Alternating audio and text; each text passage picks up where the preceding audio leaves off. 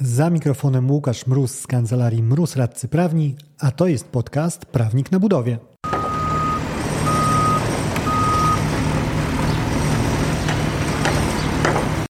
Temat budowlany, ale nie, nie robotowy, dotyczący koparki. Koparki, którą kupił wykonawca robót budowlanych na potrzeby prowadzonej inwestycji i bardzo mocno się na tym przejechał, gdyż okazało się, że zajechała na plac budowy jak najbardziej, ale już żeby cokolwiek tam zrobić, no to niestety nie wchodziło w grę.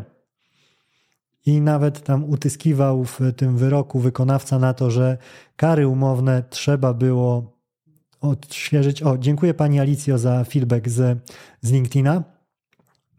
E, kary umowne narażony był do zapłacenia, no bo ta maszyna nie podołała swojemu zadaniu i przez to obciążenie ze strony kontrahenta poszło. I jeżeli chodzi o wątki, było ich tam wiele, co do tego w ogóle, jak podejść do wady takiej ukrytej, mówiąc szeroko, chociaż ta kategoria już nie do końca w przepisach jest do takiego znalezienia, e, bo rzecz, kiedy wyjeżdżała, to była sprawna, dojechała na plac budowy, jednak nie działa, jak taki typowy Mirek, handlarz, sprzedawca z komisu zużywanych samochodów, że panie, znamy się do bramy, a później radź sobie pan sam. No i tutaj też nie poczuwał się sprzedawca tej koparki, bo on stwierdził, że od niego wyjechała w porządku, sprawdził sobie ten właściciel firmy, czy działa, powiedział, że działa, więc to, co się później działo po przejściu ryzyka na nabywcę, to jest już, jest już jego ból głowy. Ten nabywca przekonał, sąd jak najbardziej pokazał, że wady były tego rodzaju, że tego nie było najzwyczajniej w świecie, jak stwierdzić jeszcze w trakcie realizacji. Przepraszam za ten efekt stroboskopowy, nie wiem czemu kamera mi miga. Ale to, co istotne, było, jak podejść do skalkulowania pieniędzy, które przysługują nabywcy tej koparki, ponieważ jest ona nieprawidłowa. Bo tam nabywca stwierdził, że on chce obniżyć cenę. I to jest bardzo rozsądne rozwiązanie, bo cóż, może mu się bardziej opłacać mm, ta metodologia niż zwracanie czy próby jakichś tam napraw. I jest duży problem zawsze w robotach budowlanych z tym obniżeniem cen, mimo że to jest fajne uprawnienie, gdyż uprawnienie takie powinno być, może jak przetrę, to troszkę się poprawi. Chyba niestety nie. Uprawnienie takie powinno być realizowane w ten sposób, że bierzemy, liczymy wartość tej naszej rzeczy, która niesprawną jest, i odnosimy do wartości rzeczy sprawnej w pełni. Czyli tutaj mamy taką koparkę, która nie do końca jeździć chce i pracować. No i zobaczmy, ile kosztuje taki model tej samej koparki, który jak najbardziej pracować by chciał. I to samo jest problematyczne w przypadku tej koparki, jak i w przypadku robót budowlanych. Bo w przypadku rzeczy takich mocno indywidualnych, to nie jest tak łatwo, że znajdziecie sobie na rynku rzecz, która jest jeden do jednego do odniesienia do tej waszej rzeczy, do porównania. No bo nie ma szeregu koparek, które akurat mają taką właśnie wiedzę, taką właśnie e, wadę. Więc nawet ciężko znaleźć ten punkt referencyjny, według którego mielibyśmy obniżać wynagrodzenie, ustalić twardą kwotę. I to samo jest z robotami budowlanymi, to jest odwieczna bolączka, bo wyobraźcie sobie chociażby, że macie mieszkanie, temat z życia wzięty, w którym na niewłaściwym poziomie wylano posadzki. No i jak ustalić, o ile obniżyć cenę takiego mieszkania? I to samo z robotami budowlanymi. Robicie, niech to będzie most jakiś, jako podwykonawca element takich robót składających się na most. No to znajdźcie teraz na rynku most taki jeden do jednego, tożsamy, pełnowartościowy, do którego będzie można odnieść się z tym porównaniem ceny, żeby żeby obniżyć odpowiednio i dojść do wartości tego mostu niewadliwego. I dlatego strony bardzo często intuicyjnie te obniżenie chcą robić o wartość prac naprawczych. Ale sądy w teorii słusznie wskazują, że to nie na tym polega te obniżenie ceny z rękojmi. Tak jak mówiłem, obniżenie ceny z rękojmi to odnosimy wartość rzeczy, którą mamy, która jest nie w pełni sprawna, do takiej, którą powinniśmy mieć, czytaj, do takiej, która powinna być w pełni sprawna. O ile porównujemy sobie parę butów, kupiliśmy sobie nowe Jordany na sezon letni, jak najbardziej będzie można referencyjnie znaleźć, że ok, to takie buty do znalezienia będą, żeby porównać to, to jaka jest ich wartość. No mostem trudno będzie posługiwać się takim jeden do jednego. Stąd ta myśl właśnie, żeby to obniżenie było o, o koszty naprawy, no bo jeżeli szukamy stopnia, w jakim wartość straciły roboty, czy tutaj koparka, no to dobrym punktem zaczepienia jest to, ile trzeba wydać na rynku, żeby było naprawione. I sądy podkreślają często, że nie, to nie tak prosto, to nie tędy droga.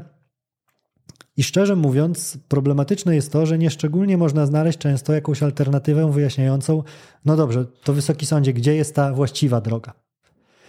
I tutaj sąd troszkę nad tym pogrzebał. Pochylił się i stwierdził e, coś takiego, wchodząc w tryb cytowania. Istotą obniżenia ceny jest przywrócenie pełnej ekwiwalentności świadczeń stron danej umowy. Czyli mam mieć rzecz wartości takiej, za ile za nią zapłaciłem, czy tak jak w tym przykładzie koparkę, albo w przykładzie robót budowlanych mam mieć pracę takiej wartości, o jakiej zapłaciłem. No i w tym wyniku obniżenia ceny trzeba przestaje obowiązywać dotychczasowe wynagrodzenie i trzeba je ustalić na nowo. W świetle zasad logiki i doświadczenia życiowego Koszt usunięcia wady wpływa na zakres obniżenia wartości rzeczy wadliwej. Dziękujemy za wyjaśnienie. Rzeczywiście tak jest. No a zgodnie z treścią przepisu, z kolei tam życie i doświadczenie życiowe sobie, logika sobie, ale przepis stanowi, że musi być ustalenie dwóch wartości. Wartość tej rzeczy wolnej od wad, koparka supersprawna, wartość rzeczy obciążonej wadami, koparka, którą dostałem. I dalej pisze sąd. W praktyce jednak, jak słusznie podnosił tutaj nabywca, ustalenie wartości rynkowej rzeczy posiadającej takie wady, jak w konkretnej sprawie, byłoby w zasadzie niemożliwe z uwagi na brak danych dotyczących wartości rynkowych obarczonych zbliżonymi wadami rzeczy. Czyli nie znajdę po prostu punktu odniesienia, żebym pokazał koparkę, która ma takie same problemy i ile ona jest warta na rynku. O ile zatem przepis nie uprawnia do automatycznego zrównania zakresu obniżki ceny z kosztem potencjalnym czy rzeczywistym usunięcia wady rzeczy, tym niemniej powszechnie przyjmuje się, że wysokość kosztów niezbędnych do usunięcia stwierdzonych wad może być pomocna przy weryfikacji, o jaką kwotę wartość rzeczy jest mniejsza z uwagi na obciążające ją wady, które można usunąć. W świetle zasad logiki i doświadczenia życiowego, znowu wraca sąd do zdrowego rozsądku, to bowiem właśnie koszt usunięcia wad wpływa na zakres obniżenia wartości rzeczy wadliwej. I jeszcze Sąd Najwyższy, tutaj nawet sąd powołał wskazujący, że obniżenie ceny rzeczy sprzedanej na podstawie przepisów powinno uwzględniać koszt nakładów i starań niezbędnych do doprowadzenia rzeczy poprzez usunięcie wad do sprawności zgodnej z przeznaczeniem. Przerzucając to na praktykę, te uprawnienie do obniżenia ceny jest naprawdę bardzo przydatne, bo może się okazać, że wada, mimo że jest, to nieszczególnie chcemy coś z nią zrobić. Bo chociażby, no dobra, te roboty, większy jest ból głowy z poprawieniem tego, niż z przyjęciem tego w sposób wadliwy. Czyli mnie bardziej by się opłacało wziąć, te, wziąć tą koparkę w tym przykładzie, czy wziąć te roboty budowlane i jakoś tam przymknąć oko na to, że to jest nie w pełni wartościowe, i obniżyć o to cenę, no bo ja sobie z tym przeżyję, niż na, dokonywać jakichś szaleńczych napraw. Bo chociażby ten wątek, o którym mówiłem, niewłaściwy poziom posadzki w mieszkaniu. To dość naturalnym wydaje mi się, że gdybym się wprowadzał, kupił nowe mieszkanie i miał do wyboru albo kuć wszystko, żeby było tak, jak miało być, i powiedzmy, żebym tych dwóch milimetrów nad próg nie miał, bądź też po prostu się wprowadzić i okej, okay, to jakoś tam przeżyje dostosowawszy się, no to moją odpowiedzią naturalną jest ta opcja druga. Także tutaj przydatna rzecz, wskazówka co do tego, jak sąd wybrnął tak zdroworozsądkowo, a jeżeli chodzi o moją rekomendację jakoś z tego tytułu, jeżeli chodzi o rzeczy rękojmiane, paragraf odpowiedzialność za wady, czy to będzie rękojmia, czy gwarancja jakości, to w przypadku rękojmi zmieniać możemy sporo, jeżeli chodzi o B2B w szczególności. Więc to, co bym rekomendował, to można popracować nad tym usunięciem sobie bólu głowy z wyprzedzeniem i już w umowie opisać, jak wygląda nasza ustalona metodologia obniżania ceny.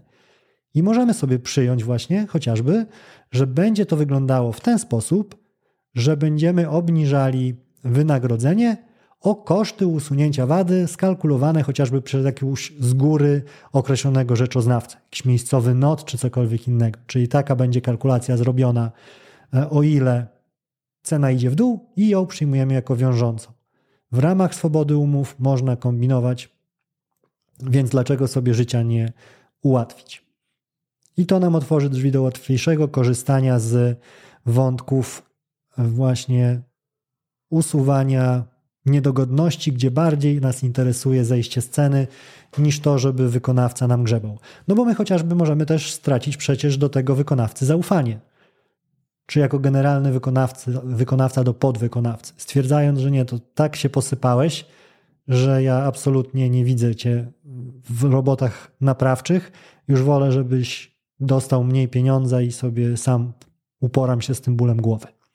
Dzięki za odsłuchanie tego odcinka.